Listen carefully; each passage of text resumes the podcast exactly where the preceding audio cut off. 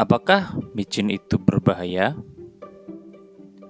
Micin secara umum kita kenal sebagai penyedap rasa, pembangkit cita rasa gurih dan lezat. Oleh karena itu, makanan yang mengandung micin cenderung disukai oleh semua kalangan. Zaman sekarang ini, orang-orang semakin peduli dengan kesehatan. Kebanyakan orang menyalahkan micin sebagai biang keladi penyakit pada anak-anak hingga orang dewasa. Sehingga penggunaan micin pun dibatasi. Namun, apakah micin itu berbahaya?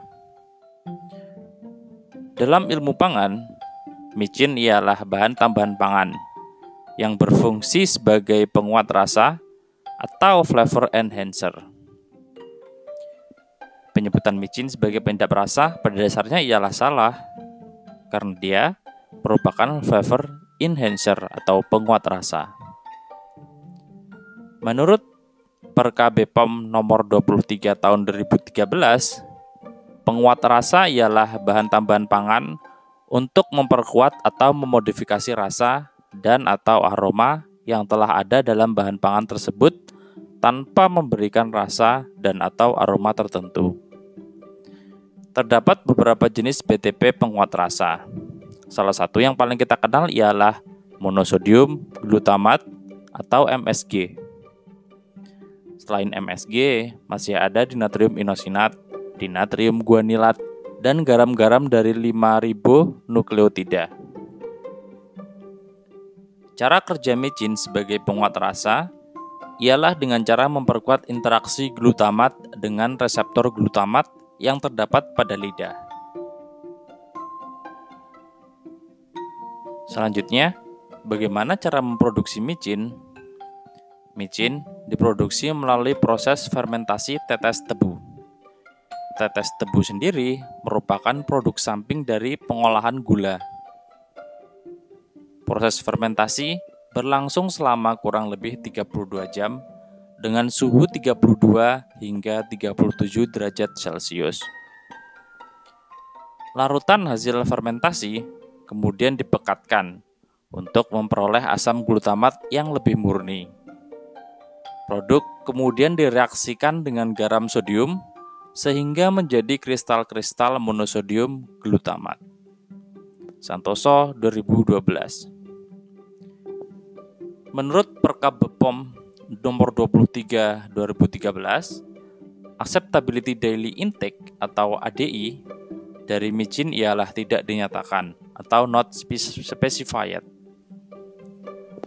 Menurut pendapat ahli yang tergabung dalam JECFA, Joint FAO WHO Expert Committee on Food Additive, ADI tidak dinyatakan merupakan istilah yang digunakan untuk BTP yang mempunyai nilai toksisitas atau bahaya bagi kesehatan sangat rendah.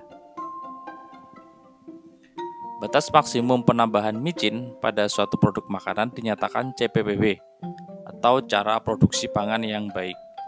Artinya, jumlah BTP yang ditambahkan ialah dalam jumlah secukupnya untuk menghasilkan efek yang diinginkan.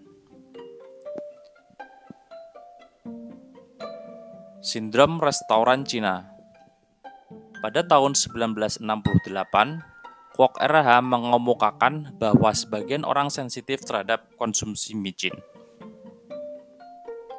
Micin pada saat itu memang banyak sekali ditemukan pada masakan-masakan Cina. Oleh karena itu, mereka menamainya dengan sindrom restoran Cina. Gejala yang biasa terjadi ialah pusing, sakit kepala, sakit perut, dan urtikaria.